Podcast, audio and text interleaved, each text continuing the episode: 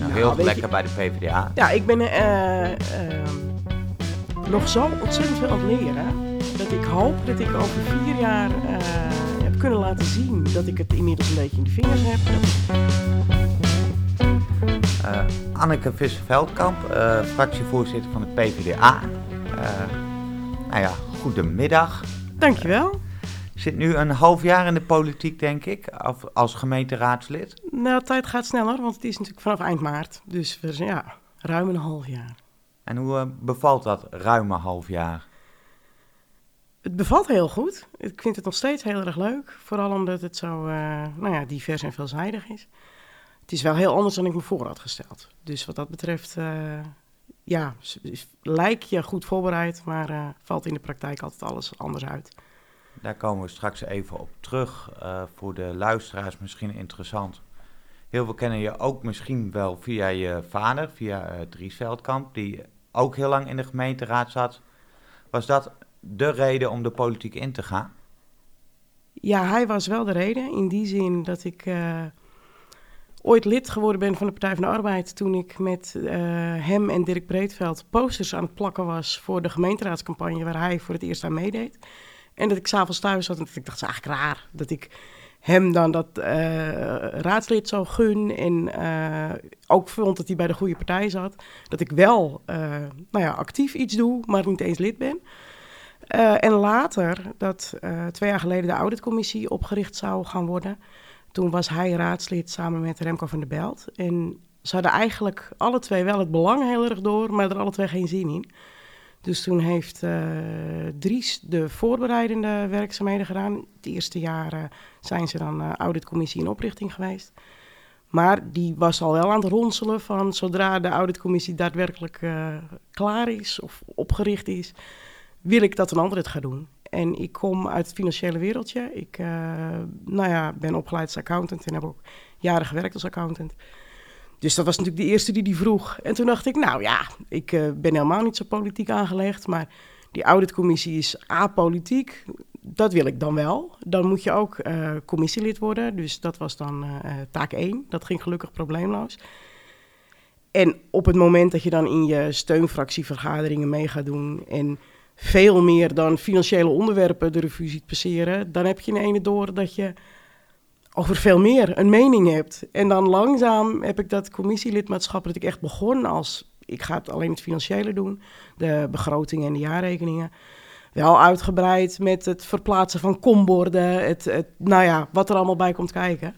Uiteindelijk ga je dan een beetje steeds meer alles doen. Is het tegen wil en dank de politiek in? Nee, ik begon er echt eh, steeds meer lol in te krijgen. Eh, en dat was ook zichtbaar. En dan word je eh, nou ja, heel erg ondersteund van allerlei kanten. Want het gewoon heel veel mensen zijn die eh, betrokken zijn. En die het prettig vinden dat er nou ja, wat meer gedeeld kan worden. Dus het was ook wel een soort warm bad waar je dan in terecht komt. En je, nou ja, in ieder geval is het bij de Partij van de Arbeid zo... dat je ook wel de, de mogelijkheid krijgt om, om gewoon fouten te maken, zeg maar. Ik was in het begin best wel bang om voor mijn mening uit te komen in het selecte groepje waar we in zaten. En nou ja, dan heb je al heel snel door dat er veel meer mensen zijn met een, nou ja, eh, een opmerking dat je denkt, goh, daar heb ik nooit over nagedacht. En dat dat juist maakt dat je dan goed voorbereid een nou ja, commissie van raadsvergadering in kan gaan, omdat je al wat tegengeluid gehoord hebt.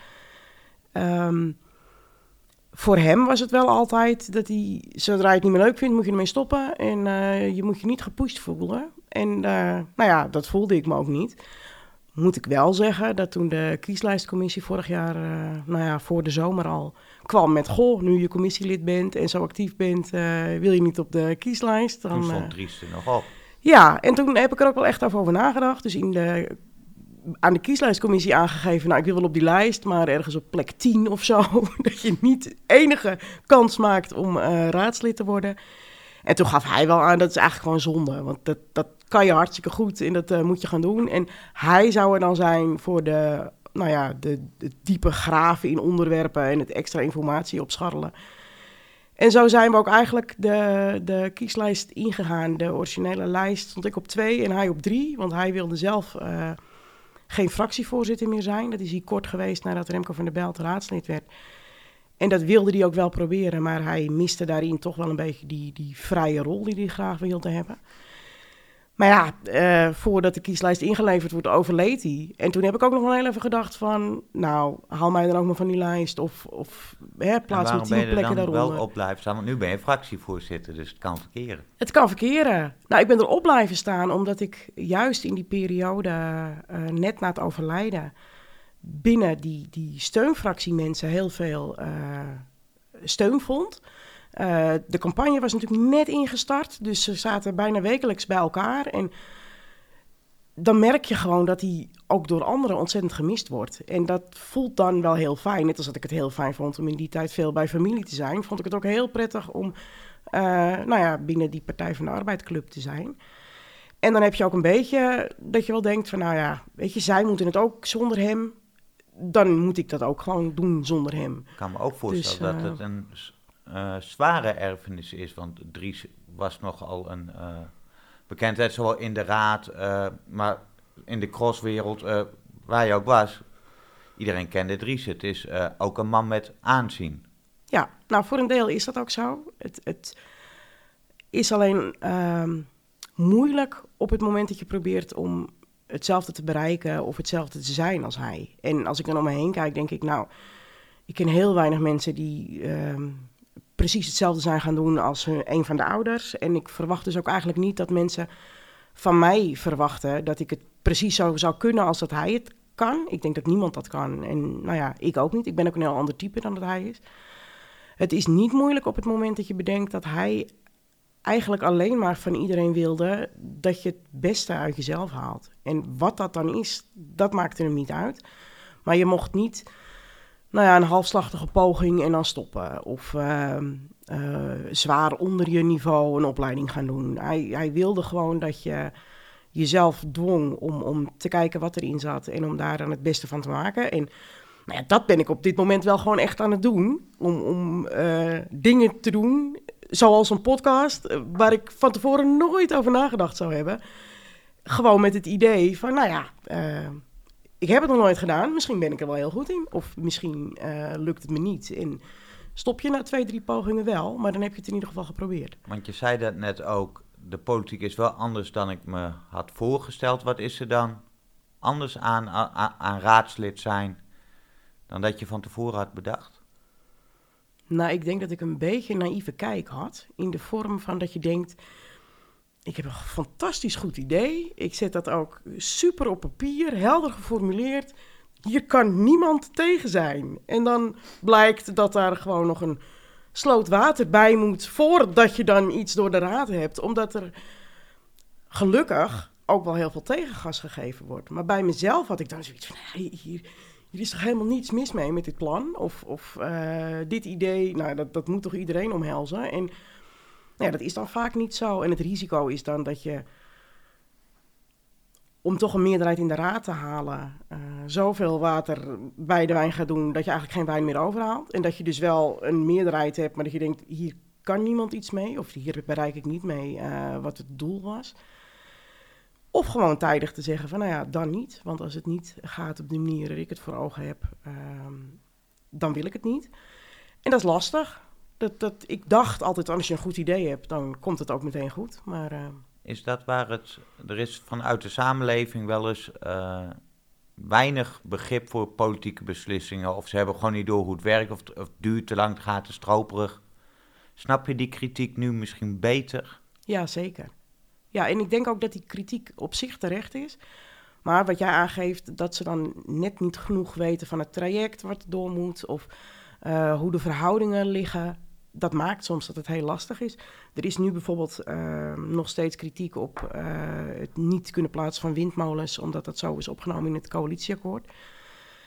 Nu zitten er twee partijen in die coalitie die van voren bedacht hadden dat ze graag windmolens wilden. En toch weet je dat als je in een coalitie gaat zitten, dat niet alle puntjes die jij in je verkiezingsprogramma hebt opgenomen, dat die ook gehaald kunnen worden. Dus ik ben heel blij en ook heel tevreden met het coalitieakkoord. Omdat er heel veel in zit wat wij ook nou ja, bijna letterlijk in ons verkiezingsprogramma hadden. Maar ja, dat dan net die windmolens natuurlijk nu, vooral met die crisis uh, met de energieprijzen, zo belangrijk gevonden wordt. Ja, dat was dan net dat water bij de wijn wat wij deden om er uh, met een andere partij uit te komen. Maar je zegt inderdaad water bij de wijn. Uh, je lijkt me wel een persoon, voor zover ik je inmiddels een beetje ken, die wel strijdt voor de eigen idealen. Hoeveel, hoeveel water doe jij bij de wijn? Want ik denk wel dat jij. Hoe, hoe belangrijk zijn je idealen zoals je ze in je privéleven hebt, bijvoorbeeld? Ik ben niet echt een type van, van echte idealen. In die zin dat ik uh, politiek gedreven word. Eigenlijk vanuit het punt dat ik zelf in een warm nest met heel veel mogelijkheden ben opgegroeid. En dat je dat iedereen gunt. Dat je iedereen een uh, goede gezondheid gunt. Dat je iedereen een fijne leefomgeving gunt. En dat je iedereen genoeg financiële middelen gunt om te kunnen doen waar je zin in hebt. Um, zelf, uh, nou ja, op alle punten is natuurlijk wel eens wat aan te merken. Ik ben ook niet helemaal gezond, maar uh, kan ik redelijk doen wat ik wil. En um, nou ja, dat, dat wil ik voor een ander ook. Dus ik kom vooral op voor nou ja, jeugd, omdat ik zelf als pleegouder zie hoe het soms met de jeugdzorg gaat. voor zorg in zijn algemeenheid, omdat je toch wel hoort dat er nou ja, een tekort dreigt aan tandartsen op het eiland. Misschien dat de huisartsen daarna aan de beurt zijn. Um, ik zou het heel vervelend vinden als je voor een tandartsbezoek altijd naar de vaste wal moet. Je merkt dat er ouderen niet op Texel in een uh, verzorgingstehuis kunnen omdat er geen plek is. Dus dat zijn best wel dingen dat ik denk, joh, ik, ik gun dat gewoon lokaal hier op het eiland aan iedereen. En voor de minima, omdat ik nou ja, weet dat het gewoon heel zwaar is op het moment dat je keuzes moet maken tussen een, nieuwe winterjas of een brood. Het klinkt heel bot, maar soms zijn die keuzes daar gewoon. Um, maar of dat echt een ideaal is, dat weet ik eigenlijk niet. Ik heb van, van huis uit gewoon eigenlijk alles meegekregen wat ik nodig had. En, en nooit echt heel erg voor hoeven vechten. Um, dus ik geloof niet dat ik nou... Uh, nou ja, behalve wereldvrede en dat soort dingen als idealen op mijn lijstje heb staan. Nee, maar ik heb wel van, van Dries hoorde wel vaak verhaal dat als bij iemand de, de wc bij verstopt was in het weekend, dat Dries ongeveer tot aan, aan zijn knieën in de riolering stond zo ongeveer. Is dat wel, uh, dat sociale gezicht, is dat wel iets wat je nou ook nog drijft in je...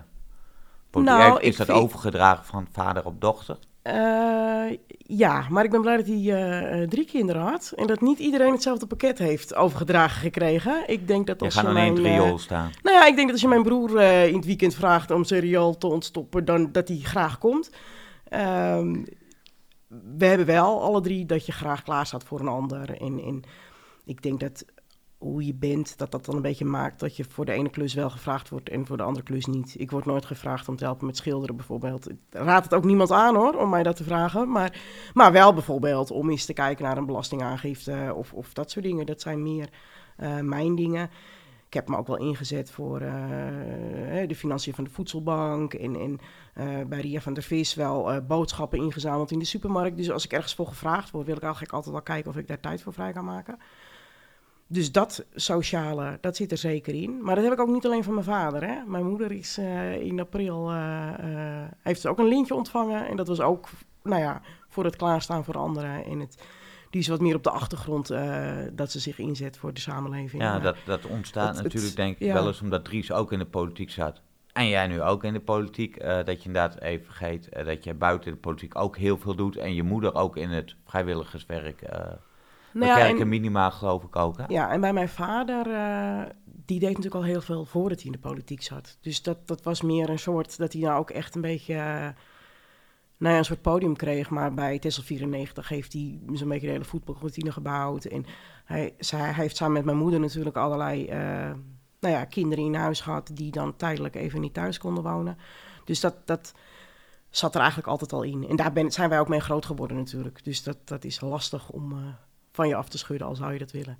Dat we ook een beetje in dit gesprek kwamen, was ook omdat ik uh, iemand van jullie partij uh, sprak uh, over de Dries. Ja. Zo gaat het ook al snel over Dries natuurlijk. Ja. Want kun je daar iets meer over vertellen? Wat is de Dries?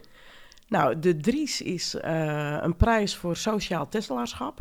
En nou, ik denk dat ik sociaal niet echt hoef uit te leggen, maar het Teslaarschap is heel breed. Dat kunnen personen zijn, maar ook stichtingen of verenigingen of bedrijven die zich nou ja, belangeloos inzetten voor de ander. En dan eh, het liefst voor een, een, een Tessels initiatief of een Tesselse persoon. Dus het kan zijn dat je in een buitendorp woont en altijd boodschappen meeneemt voor iemand die eh, nou ja, eh, minder makkelijk mobiel is. Of het kan zijn dat je nou ja, al jarenlang ehm, papier prikt als je een wandeling uh, maakt. Maar het kan ook zijn dat je uh, nou ja, jongeren die in de knel zitten een, een, nou ja, een baan aanbiedt of, of wat ook. Het is, het is echt zo breed als je het uh, maken wil. En die prijs wordt uitgereikt op zijn sterfdag, 18 januari. En ehm, ook in de Tessel, of de Tessel 94 kantine, die hij nou ja, dat zeg ik zo'n beetje, uh, niet lang niet in zijn eentje, maar ontworpen en gebouwd heeft. En waar hij heel zijn ziel en zaligheid ingestopt heeft. Bij een vereniging waar hij als nou ja, klein jochie al liep. En, en nou ja, lid van verdiensten en uh, geen idee was. Dus dat voelt gewoon heel goed. Om dat ook op, echt op zijn plek te doen. We hebben nagedacht over... Aan de uh, Emma-laan, waarvan hij als een van de weinige raadsleden direct zei dat het zo niet goed ging ja, komen. Ja, die Emma-laan. Ik weet niet of je toevallig... Uh, vorige week is er een publicatie geweest van... Uh, oh, dan ben ik naar Raad Openbaar Bestuur heet dat volgens mij. Waarin de hele Emma-laan dan is, nou ja, redelijk objectief beschouwd, beschouwd werd. Interviews met, met verschillende politici die toen uh, daar het een en ander, uh, hè, Astrid van de Wetering en Jus Schuiringa. En daar kwam hij ook inderdaad heel mooi in naar voren. Dus dan voel je, het is raar om dan trots te zijn op je vader in plaats van dat je als vader trots bent op je dochter. Maar het, uh, ja, dat is een heel mooi stuk. En dan, dan wordt die Dries op de 14 of 18, 18, janu 18 ja. januari uitgereikt. Als ik nou een geniaal idee heb voor iemand of een organisatie die de Dries moet uh, ontvangen. Hoe geef ik iemand dan op? Nou, kan dat nog? Ja, volgens mij kan dat nog. Uh, via de website van de Partij van de Arbeid Protestel. Dan is een linkje en daar kan je precies invullen waarom je iemand nomineert. Want dat is natuurlijk wel belangrijk. Ik weet dat er al verschillende nominaties uh, zijn. Dus dat maakt ook wel dat het leuk is om, om je erover te buigen. En ik ben ook ontzettend blij dat ik dat niet hoef te doen. Want, nee, want wie, wie maakt dat uit? En wat maakt iemand een echte Dries? Ik weet niet of ze echt uh, uh, vanuit de jury een soort richtlijnen hebben. Maar mijn moeder, de beste vriend van mijn vader, Piet Heijnen... en iemand van het Partij van de Arbeid bestuur, Arnold van Brugge... die gaan met z'n drieën zich buigen over de inzendingen. En die zullen onderling, denk ik, wel aangeven van... goh, we vinden dit Ehm, belangrijk of we vinden dit uh, veel meer lijken op Dries. En dat is vooral zo'n eerste keer misschien uh, nou ja, zwaarder wegend. Het gaat natuurlijk op een gegeven moment niet meer om of Dries iets mooi zou vinden, of dat Dries iets ook op die manier zou doen, of dat Dries iets misschien wel helemaal niet zou willen. Het gaat er natuurlijk wel om dat het uh, nou ja, uit het hart komt van mensen en, en ja, het kan eigenlijk iedere vrijwilliger bij een, een, een sportvereniging ook zijn. Of inderdaad gewoon uh, een, een, tante of een, een uh, buurman waar jij van denkt van nou, die zie ik toch iedere keer weer, uh, nou ja, zonder eigen belang zich inzetten voor een ander. En dan is het echt de bedoeling dat een jaarlijks terugkerende Dat is nu wel de bedoeling, maar het, het, ik denk dat als het na drie jaar blijkt dat het gewoon helemaal niet aanslaat, dat het vanzelf weer doodbloedt.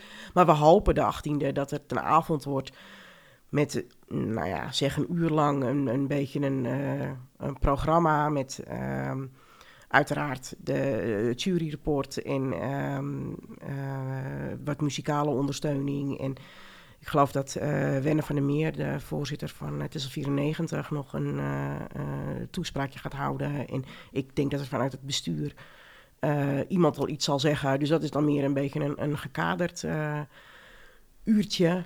En dat er daarna gewoon een, een borrel gedronken wordt. Maar in de G3 zit er toch ook wel een beetje reuring. Het wordt geen stilzitten. En, nee, nou ja, en ik, ik mij was wel gevraagd van, goh, hè, zie je het zitten om een, een, zaaltje te huren ergens in een horecagelegenheid? Of, of hoe heb je dat in je hoofd? En toen dacht ik, nou, het moet zo laagdrempelig mogelijk. Want hij zou willen dat iedereen die ook maar even denkt van, oh, dat vind ik leuk, dat, dat hij ook heen gaat. En, en uh... ik denk dat dat bij Tessel 94 uh, heel goed komt.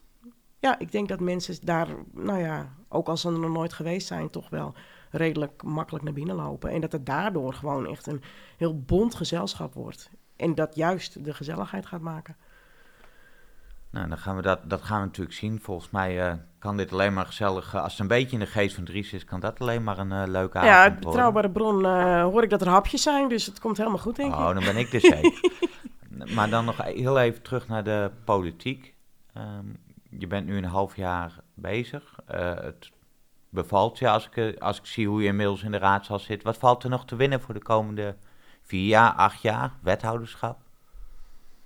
Nou, daar heb ik nog niet eens over nagedacht. Dus dat, ik hoop dat Remco nog heel, heel lang blijft. ik denk dat hij het ontzettend goed doet. Eigen partij? Nee, nee. Dat is grappig dat je erover begint. Want bij de meeste landelijke partijen moet je een uh, verklaring ondertekenen... dat op het moment dat er een nou ja, strijd komt tussen jou en, je partijgenoten... dat uh, je je zetel opgeeft. En um, wettelijk gezien kan dat niet. Want jij bent als raadslid gekozen, onafhankelijk van bij welke partij. Dus eh, ik kom uit de accountancy en dan gaan we altijd kijken of, of overeenkomsten kloppen met wat er bedoeld wordt en of het voldoet aan de wet. Dus ik heb zoveel moeite gehad om dat formulier te ondertekenen, want het slaat gewoon helemaal nergens op. En nou ja, dan is het op een gegeven moment van dat je toch voor het doel moet gaan en niet voor, uh, nou ja, soms de, de wettelijke regeltjes. Dus ik heb braaf getekend, want anders kon ik niet voor de Partij van de Arbeid raadslid worden. Maar wel ook met in mijn achterhoofd dat ik dat zeker niet alleen zou gaan doen. Als ik zie hoe uh, moeilijk het is voor, uh, nou ja, Astrid van de Wetering en Edo Kooijman om, om toch je wil op de een of andere manier ook wel een beetje overal bij betrokken blijven. En er zijn zoveel subcommissies en, en ja, dan is het bijna niet te doen. Maar zit er nog, wat, wat zit er voor de komende jaren dan nog wel in? Want als je niet over, uh, je zit nou, heel lekker je, bij de PvdA. Ja, ik ben uh, um, nog zo ontzettend veel aan het leren. Dat ik hoop dat ik over vier jaar uh, heb kunnen laten zien dat ik het inmiddels een beetje in de vingers heb. Dat ik ik vind het zelf heel belangrijk dat mensen vertrouwen in je hebben en uh, nou ja, dat je betrouwbaar bent.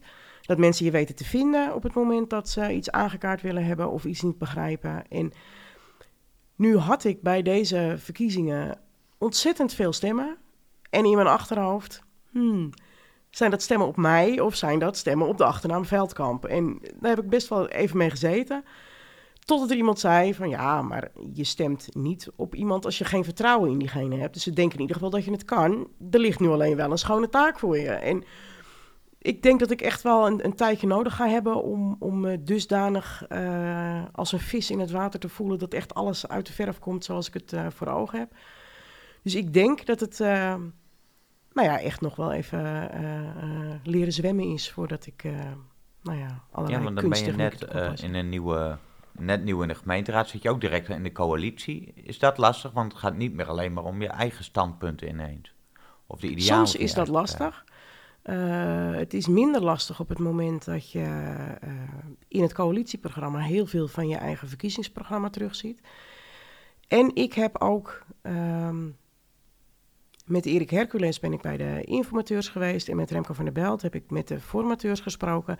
Dus bij die begin uh, overal bij geweest. Dus je weet dan ook waarom een andere partij ergens moeite mee had. Of waarom uh, iets toch zo in het coalitieprogramma uh, moest, terwijl je eigenlijk zelf een scherpere bewoording wilde of het helemaal niet belangrijk vond. Dus dan wordt het wel makkelijker. Dan kun je wel um, die samenwerking uh, blijven zoeken. En nou, die vind ik ook heel, oh, wel heel goed voor mijn gevoel.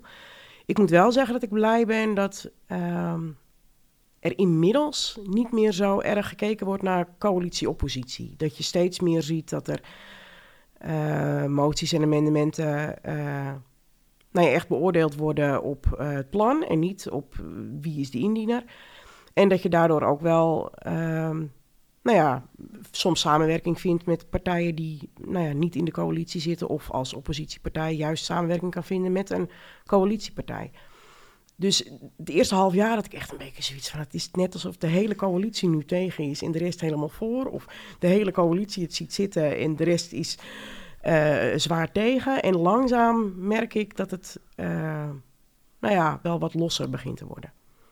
We zitten nu ook in heel belangrijke weken. We hebben, deze week zijn er drie commissievergaderingen, uh, onder meer het toeristisch uh, bestemmingsplan, parachute, Paraplu. paraplu bestemmingsplan, Ja. zo, dat is het. Eh, staat op de agenda, daar is veel over te doen. Ehm, kom je nog wel eens thuis? Ja, ja. Nou, dat scheelt wel dat ik minder ben gaan werken. Dus dan is er ook wel meer eh, tijd voor thuis. Ehm, het leven is wel heel anders. Want thuis eh, zit ik toch ook wel vaak eh, in stukken te lezen en, en minder. ehm, nou ja, dat, dat je onderuit eh, voor de televisie hangt, zeg maar. Vinden man en kinderen, zeggen die niet, is... eh, Nou, mijn man is ook minder gaan werken in februari. En dat kwam eigenlijk wel heel goed uit, zeg maar. Dus ik ben in de luxe positie dat ik eigenlijk nooit kook. Dat ik zelden boodschappen doe. En dat zijn toch wel dingen dat ik denk, ja, als je dat er allemaal ook nog bij krijgt, dan wordt het inderdaad wel heel veel. Nou, volgens mij we- zijn we wel aan het einde van dit gesprek gekomen. Of zijn er, wat ik altijd een leuke vraag vind als, als journalist, is: zijn nou dingen niet besproken waarvan je dacht, daar gaat hij vast naar vragen?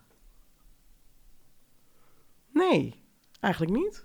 Nou, volgens mij hebben we dan een heel fijn gesprek gehad. En ga ik jou eh, vooral succes wensen met drie avonden Ja, politiek. nou ja, ik ben benieuwd of het dan ook één raadsavond wordt... of dat we die toch ook maar in tweeën gaan doen. Want het, eh, maar goed, dat gaan we zien. En dan ga ik zorgen dat daarvoor eh, deze podcast online staat. Dan zijn we alweer gedateerd. Ja, ja, zo is dat. Hey, bedankt. Ja.